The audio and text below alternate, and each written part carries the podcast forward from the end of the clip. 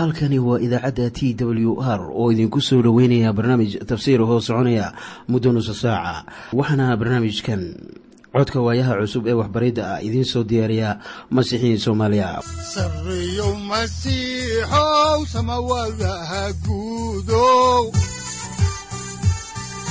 Siraadkii adduunkow subanaha eebow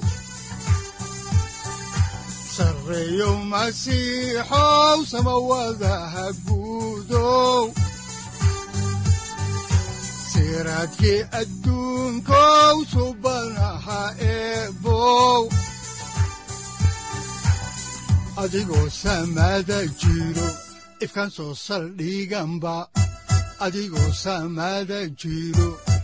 soo saldhiganba kutubtiisanaye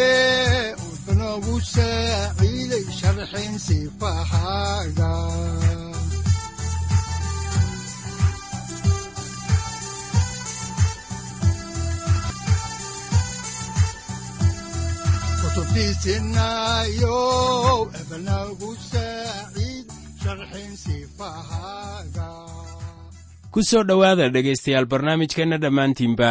waxaan horay u sii ambaqaadi doonnaa daraasaadkii la magac baxay baibalka dhammaantii waxaannu idiin sii wadi doonnaa caawa kitaabka xaakinnada oo qayb ka ah ahdigii hore. Markaana waxaannu idiin sii wadi doonnaa cutubka sagaalaad ee kitaabka xaakinnada oo aynu kaga gudbi doonno ilaa iyo kan kow iyo tobanaad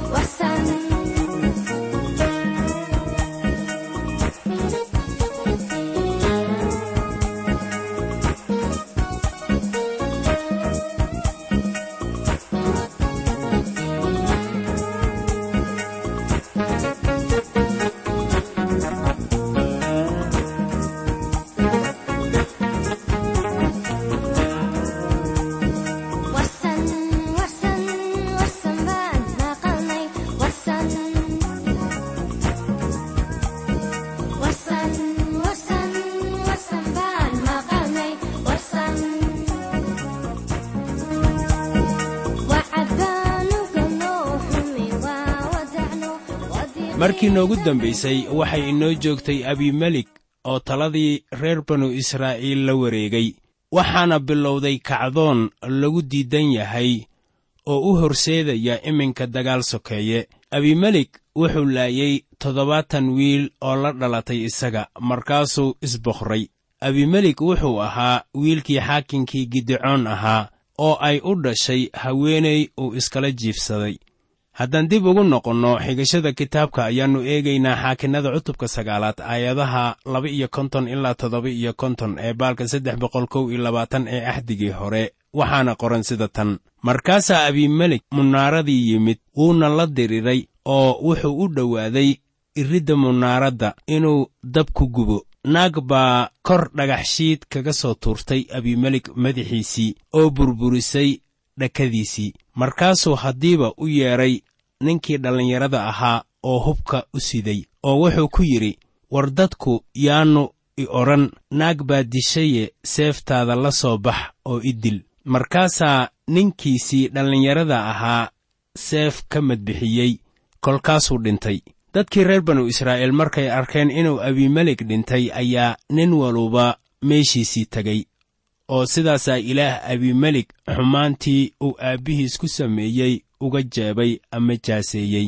Waayo wuxuu laayey toddobaatan walaalihiis ah oo dadkii reer shekam xumaantoodii oo dhan ilaah baa ka jeebay madaxooda oo waxaa ku soo degay habaarkii yootam ina yerubacal haddaba waxaa si murugo leh u soo dhammaaday noloshii wiilkan garaca ah ee la odhan jiray abimelek ilaah wuxuu sare u qaaday gidecoon si uu u noqdo bixiyaha iyo xaakinka dadkiisa. War maxay murugo badan tahay in qof uu sameeyo howlo waaweyn oo wanaagsan?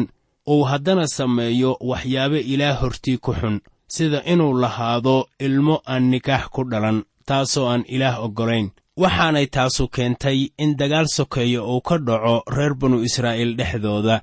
Haddaan qisadii gidecoon ina yerubacal halkaasi ku soo gunaanadno ayaannu haatan soo gaarnay cutubka tobanaad. Maadaama aan soo gaarnay cutubka tobanaad ayaannu iminka soo gaarnay qisada xaakinkii toddobaad ee reer banu israa'iil oo ahaa tallac tollac iyo yaa'iir oo ahaa xaakinkii ka dambeeyey tollac ayaan wax badan laga sheegin. Waxaad arkaysaa in labadaasi xaakin oo kala ahaa xaakinnadii toddobaad iyo kii siddeedaad ayaan laynoo sheegin wax dhib iyo carqalad ah ee dadkaasi haystay. Haddaan xaalkaasi ka eegno xigashada kitaabka ayaannu iminkana eegaynaa kitaabka xaakinnada cutubka tobanaad aayadaha kow ilaa labo waxaana qoran sida tan. Markaasaa abimelek dabadiis waxaa u kacay inuu reer banu israa'iil badbaadiyo toollac ina fuwaah oo ahaa ina dooddo oo reer isakaar ahaa oo wuxuu degganaa shamiir oo ku tiilay dalkii buuraha lahaa oo reer efraayim.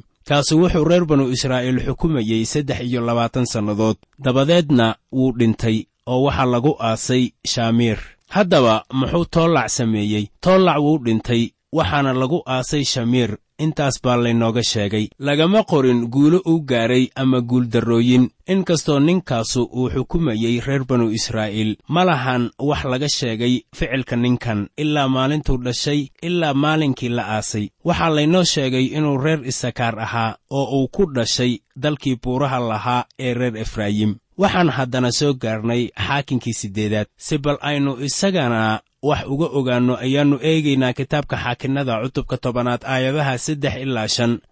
Waxaana qoran sida tan oo kaas dabadiis waxaa kacay yaa'iir oo reer gilicaad ahaa oo isna wuxuu reer banu israa'iil xukumayey laba iyo labaatan sannadood oo isna wuxuu lahaa soddon wiil oo soddon qayl dameer fuuli jiray oo iyaga waxay lahaayeen soddon magaalo oo ilaa maantadan la joogo la yidhaahdo hawood yaa'iir oo waxay ku yaalliin dalka gilicaad markaasaa yaa'iir uu dhintay waxaana lagu aasay qaamoon. Waxyaabaha laynooga sheegay ninkan waxa weeye inuu lahaa soddon wiil oo uu mid walibana u iibiyey dameer. Haddaba beryahaasi ninkii dameer leh wuxuu lahaa gaadiid waxaana u fududaanaysay inuu helo waxyaabo uu ku qaato xamuulkiisa war maxay ahayd wax lala amakaago marka ay isa soo wada raacaan iyadoo mid waliba uu ku joogo dameerkiisa oo ka soo baxaya gilicaad? Saddex waxyaabood baa ka muuqanaysa qisada yaa'iir waxaana weeye saddexdaasi kow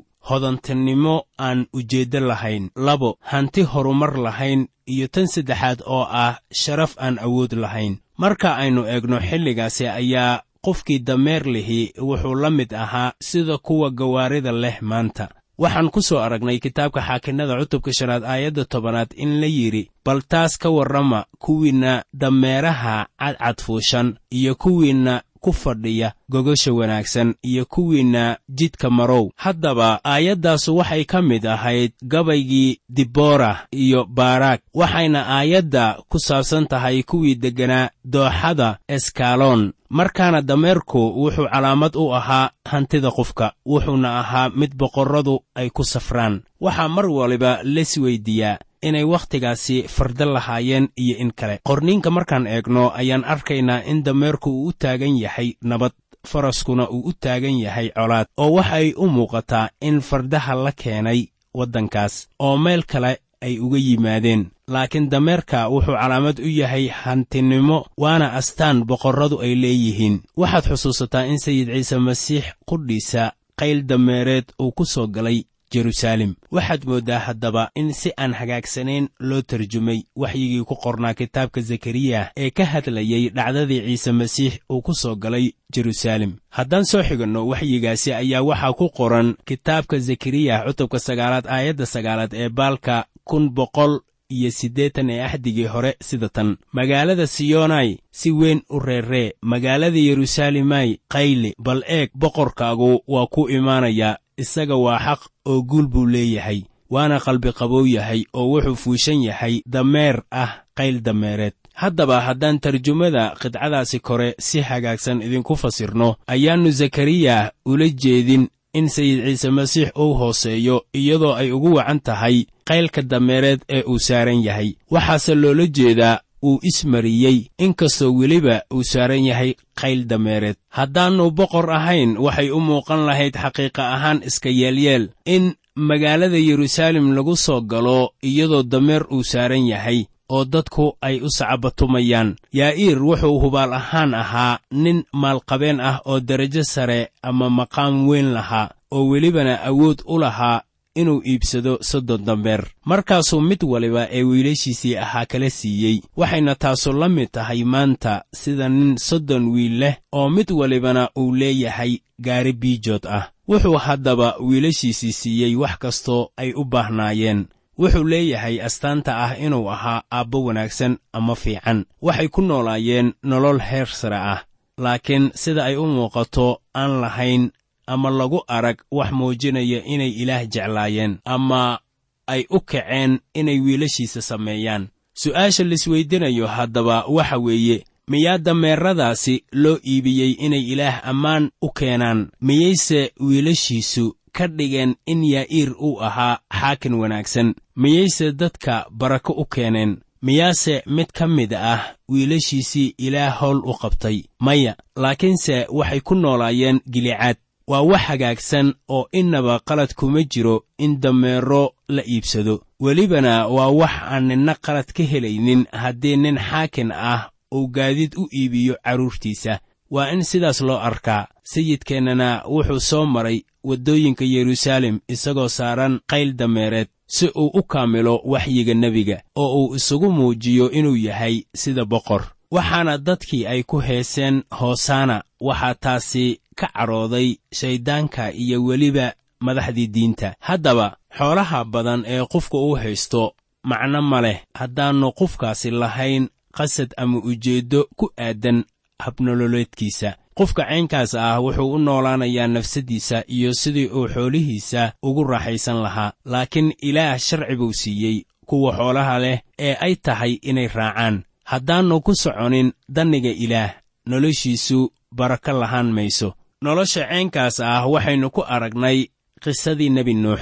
Waxaan kaloo nolosha caynkaas ah ku arkaynaa qisadii nebi sulaymaan oo ahaa wiilkii nebi daa'uud boqorkii labaad ee reer banu israa'iil. Waxaa laynoo sheegay inuu hodan ka ahaa wax waliba oo wuxuu dibadda ka keensan jiray daanyeero iyo shimbirta la yidhaahdo daa'uus waa tii heesaaga soomaaliyeed uu ku heesay ee uu yidhi daa'uus lamood quruxna loo daa. Waxaa haddaba jira waxyaabo hodantinimo badan oo dadku uu haysto. Laakiin haddana waxaad arkaysaa inaanay dadkaasu lahayn fikrado cusub oo ka soo baxaya. Waxaan maqlay nin helay lacag aad u fara badan markii waddanka ay joogeen ciidamadii yunisom lacagtaasi waxaa la doonayey in laga saaro waddanka waxaana lagu soo guray caagag. Waxaana la doonayey in inta xerada laga saaro lagu qaado diyaarad shicib uu leeyahay ninkaas dhallinyarada ahaa baa wuxuu lahaa xaajiyad bikab ah waxaana laygu leeyahay xaajiyaddiisii baa la kiraystay waxaana lagula heshiiyey inuu caagaggaasi geeyo meel la doonayey in haddana laga sii qaado. Ninkii dhallinyarada ahaa wuxuu gartay waxa ku jira caagagga wuxuuna ula soo cararay meel ay reer tolkiisa joogeen. Waa tan soomaalidu ay u qaybsanayd qabiilqabiil sida iminkaba ay tahay ninkii looguma imaanin lacagtii waxaana laygu yidhi waxay gaaraysay ilaa iyo laba iyo toban milyan oo dollar. Maalintaasi ayaa ninkii dhallinyarada ahaa la siiyey magac kale oo waxay soomaalidu u bixiyeen maalintaajir. Niman baa waxay igu leeyihiin ninkii wuu khafiifay markii uu lacagtaasi badan indhihiisa saaray. Inkastoo haddana miirkiisii uu soo noqday kol dambeeto. Haddaba hodontinimo aan ujeeddo lahayn waxay keenaysaa sawirnimo. Waxaa loo baahan yahay in nolosheennu ay yeelato ujeeddo haddii aynu lacag leennahay iyo haddii kale. Haddaanay sidaasi ahayn taariikh yeelan mayno. Waxaanan la mid noqonaynaa sida xaakinkii la odhan jiray yaa'iir waxaan maanta u baahannahay inaan garanayno jihada aynu aadayno. Waxaan u baahannahay inaan lahaanno asbaab aan wax u samayno asbaabta ama dariiqa masiixa ayaa noqonaya waxa qof waliba uu raadinayo. Markaana yaa'iir wuxuu ahaa xaakin miyaannu ahayn haddaba. Waxaase noloshii yaa'iir lagu suntay sharaf aan awood lahayn. Wuxuu ahaa nin magac iyo maamuus ku leh bulshadiisa. Waxaana laga yaabaa in beeshii uu xukumayey uu sharaf iyo qadarinba ka lahaa isaga iyo wiilashiisaba markaana aayadda shanaad ayaa inoo sheegin magaca weyn ee uu lahaa yaa'iir waxaana lagu aasay meel aan la garanaynin weligii ma uusan samaynin ficil muuqda. Welibana wax micno leh oo dadka xusuusto ma uusan samaynin guul ma uusan gaarin laakiin wuxuu lahaa soddon dameer. La arki maayo inuu lahaa wax horumar ah dhanka ruuxa ama alla kacabsiga. Waxaan arki jiray markii aan yaraa dabaaldegga kow iyo labaatanka oktoobar waxaana salaan la siin jiray hoggaamiyihii dalka. Waxaa soo mari jiray ciidamada ururada bulshada ardayda hooyooyinka guulwadayaasha dhallinyarada iyo xoogaysatada. Waxaana meel waliba aad ka maqlaysaa iyadoo lagu heesayo oktoobar oktoobar waa duruur hillaacdayo soomaali u da'day. Dhacdooyinka ceenkaasi ah ayaa waxaa la odhan karaa sharaf aan awood lahayn haddii ay oktoobar awood lahayd halkeebay ka baxday awooddeedii. Haddaan casharka dib ugu soo noqonno ayaannu eegaynaa maaddada qusaysa siddeed iyo tobankii sannadood ee gunnimada ahayd ee la saaray reer banu israa'iil. Haddaan horay idinku sii ambaqaadno xigashada kitaabka xaakinnada cutubka tobanaad aayadda lixaad ayaa waxaa qoran sida tan. Markaasaa reer banu israa'iil waxay haddana sameeyeen wax rabbiga hortiisa ku xun oo waxay u adeegeen bacaaliim iyo cashtarood iyo ilaahyadii suuriya iyo ilaahyadii sidon iyo ilaahyadii mo'aab iyo ilaahyadii reer caamoon iyo ilaahyadii reer falastiin oo rabbiga way ka tageen umana ay adeegin. Waxay kula noqonaysaa khibradihii ay soo mareen aawadeed in reer banu israa'iil ay xusuusnaayeen haddii ay asnaam caabud u jeestaan in dhib la dul saarayo iyadoo haddaba ay ugu wacan tahay asnaam caabudkooda ayay waxay galeen addoonnimo mar kale. Waxayna hoos yimaadeen reer filistiin iyo reer caamoon ilaa iyo muddo gaaraysa siddeed iyo toban sannadood. Haddaba dabeecadda bini'aadamku waa mid hoosaysa oo ka gaabisay inay gaarto halkii laga doonayey nebi yeremiyah ayaa wuxuu leeyahay sida ku qoran kitaabka ku magacaaban isaga qudhiisa cutubka toddoba iyo tobanaad aayadda sagaalaad ee baalka sagaal boqol shan iyo toddobaatan ee axdigii hore sida tan. Qalbiga dadku wax kasta waa ka khiyaano badan yahay oo aad iyo aad buu u xun yahay.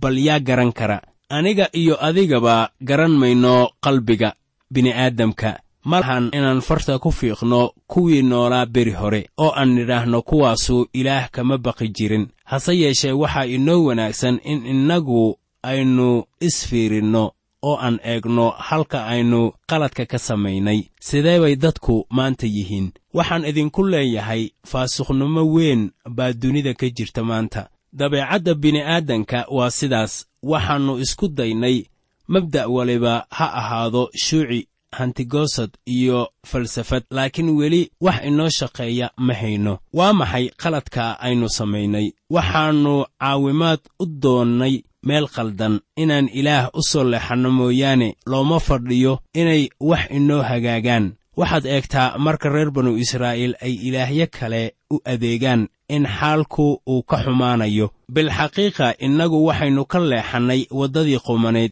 sidaas daraaddeed ayay wax inoogu hagaagi la'yihiin haddaan horay idinku sii ambaqaadno xigashada kitaabka ayaannu eegaynaa kitaabka xaakinnada cutubka tobanaad aayadda toddobaad. Waxaa qoran sida tan oo rabbiguna aad buu ugu carooday reer banu israa'iil markaasuu iyagii ka iibiyey gacantii reer filistiin iyo gacantii reer caamoon ilaah wuu awoodaa inuu xooro qalabkiisa markii qalabku uu shaqayn waayo.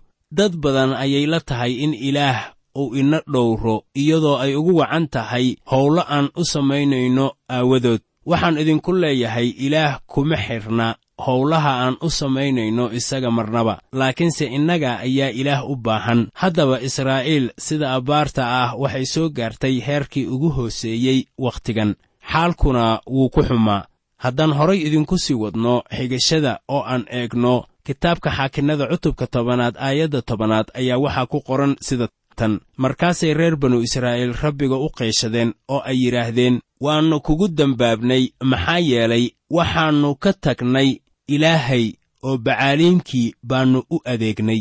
Haatan dadkaasu aad bay ugu baahnaayeen inay ilaah ku noqdaan.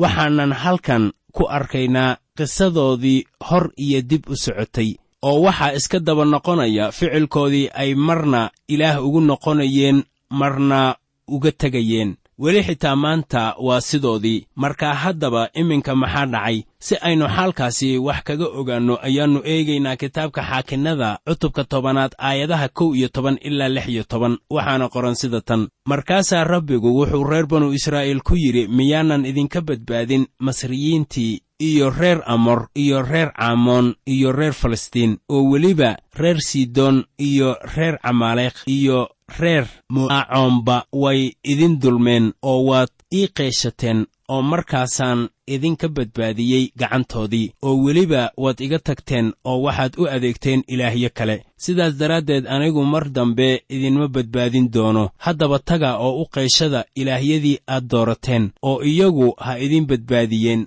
wakhtiga aad cidhiiriga ku jirtaan. Markaasaa reer banu israa'iil waxay rabbiga ku yidhaahdeen waannu dembaabnay haddaba nagu samee wax alla wixii kula wanaagsan. Laakiinse waannu ku baryaynaaye bal maanta nasamata bixi markaasay iska wada fogeeyeen ilaahyadii qallaad oo dhexdooda yiilay oo waxay u adeegeen rabbiga oo naftiisuna way ka xumaatay hooggii haystay reer banu israa'iil. Ilaah wuu naxariis iyo nimco badan yahay soo arki maysid inuu ka naxay hooggii haystay reer banu israa'iil. Markaas ay gumaysiga ku jireen. Haddaan horay idinku sii ambaqaadno cutubka tobanaad ayaannu eegaynaa aayadaha toddoba iyo toban ilaa siddeed iyo toban ee kitaabka xaakinnada waxaana qoran sida tan markaasaa waxaa soo wada ururay reer caamoon oo waxay soo degeen gilicaad oo reer banu israa'iilna way isu soo urursadeen oo iyana waxay soo degeen misfaah. Markaasaa dadkii iyo amiiradii reer gilicaad midba midka kale wuxuu ku yidhi carar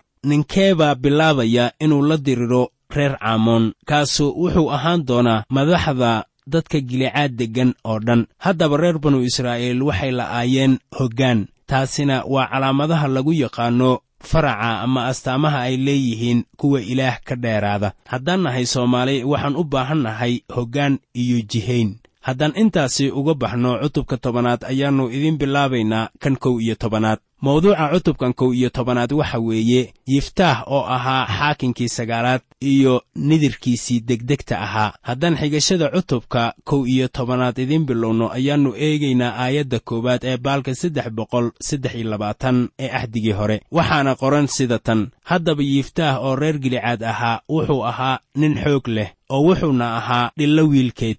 Yiftahna wuxuu dhalay gilicaad. Waxaan marka hore dareenkiinna u jeedinaynaa inuu ninkanu ahaa hoggaamiye la yaqaan laakiin waxaa ku dhegganaa calaamad madow oo waxaa la yidhi isagu wuxuu ahaa wecel iyo dhillo wiilkeed. Haddaan xigashada halkaasi idinka sii wadno oo aan eegno kitaabka xaakinnada cutubka kow iyo tobanaad aayadda labaad waxaa qoran sida tan oo gilicaad naagtiisiina wiilal bay u dhashay oo wiilashiisii naagtiisuna markay koreen ayay iftaah iska eryeen oo waxay ku yidhaahdeen reerka aabbaheen adigu nala dhexli maysid maxaa yeelay naag kalaa ku dhashay. Kitaabka maahmaahyada cutubka labaad aayadda lix iyo tobanaad ayaa inoo sheegaysa in haweenka dhillooyinka ahi ay shisheeyayaal yihiin. Waxaa taasi loola jeedaa inay dalal kale ka imaan jireen. Yiftaah baa wuxuu inoo sheegayaa in gilicaad xaaskiisu ay ahayd quruumaha mufasiriinta yuhuudda ahina waxay yidhaahdaan carab bay ahayd. Marka yiftaah wuxuu ahaa wiil ay dhashay haweenay dhillo ahayd. Dhaxalkiisiina waa loo diiday. Dad badan oo isaga la mid ah ayaa wecelnimadoodii lagu karantiilay. Dhib baana ka qabsaday laakiin way ka soo gudbeen. Waxay isugu jireen boqorro wadaaddo iyo rag caan ahaa. Welibana yiftaah oo kale looma oggolayn inuu ka agdhowaado jameecada reer banu israa'iil. Markay cibaadaysiga u hortaagan yihiin ilaah haddaan horay idinku sii wadno xigashada kitaabka oo aan eegno kitaabka xaakinnada cutubka tobanaad aayadaha saddex ilaa siddeed waxay inoo sheegaysaa sida tan. Markaasuu yiftaah walaalihiis ka cararay oo wuxuu degay dalkii toob. Markaasaa waxaa isku soo ururay ciyaal suukh oo iyana waxay raaceen yiftaah oo intii wakhti ah dabadeed ayay reer caamoon la dirireen reer banu israa'iil oo markii reer caamoon ay la dirireen reer banu israa'iil ayaa odayaashii reer gilicaad yiftaah ay ka dooneen dalkii toob oo waxay yiftaah ku yidhaahdeen kaalay oo madax noo noqo aynu reer caamoon la dirirne markaasuu yiftaah odayaashii reer gilicaad ku yidhi warsoo ima aydnaan necbayn oo igama aydnaan eryin reerkii aabbahay. Maxaad haatan iigu timaadeen idinkoo cidhiidhi ku jira oo odayaashii reer gilicaadna waxay ku yidhaahdeen yiftaah war haatan waannu kuu soo noqonnay si aad noo raacdid oo aad ula diriirtid reer caamoon oo madax ayaad noo noqonaysaa oo waxaad ugu sarraynaysaa dadka deggan dalka gilicaad oo dhan.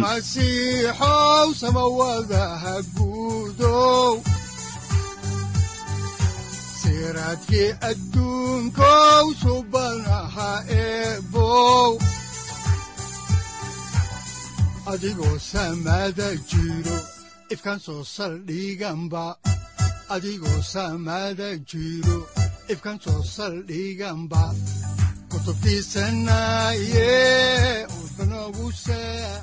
halkani waa t w r idaacadda t w r oo idinku leh ilaa ha idin barakeeyo oo ha idinku anfaco wixii aad caawi ka maqasheen barnaamijka.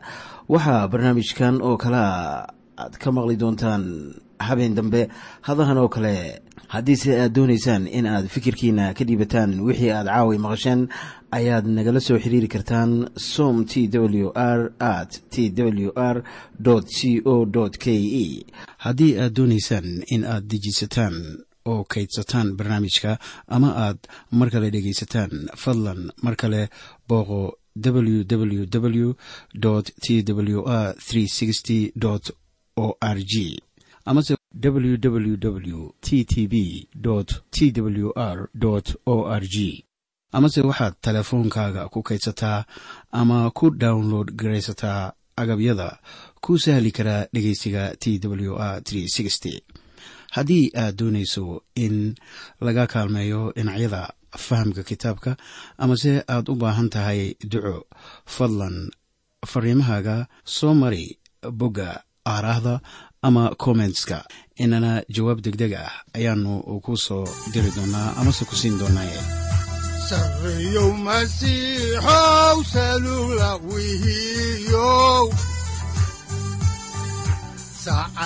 timid dhulka sabada ku dhalatiyo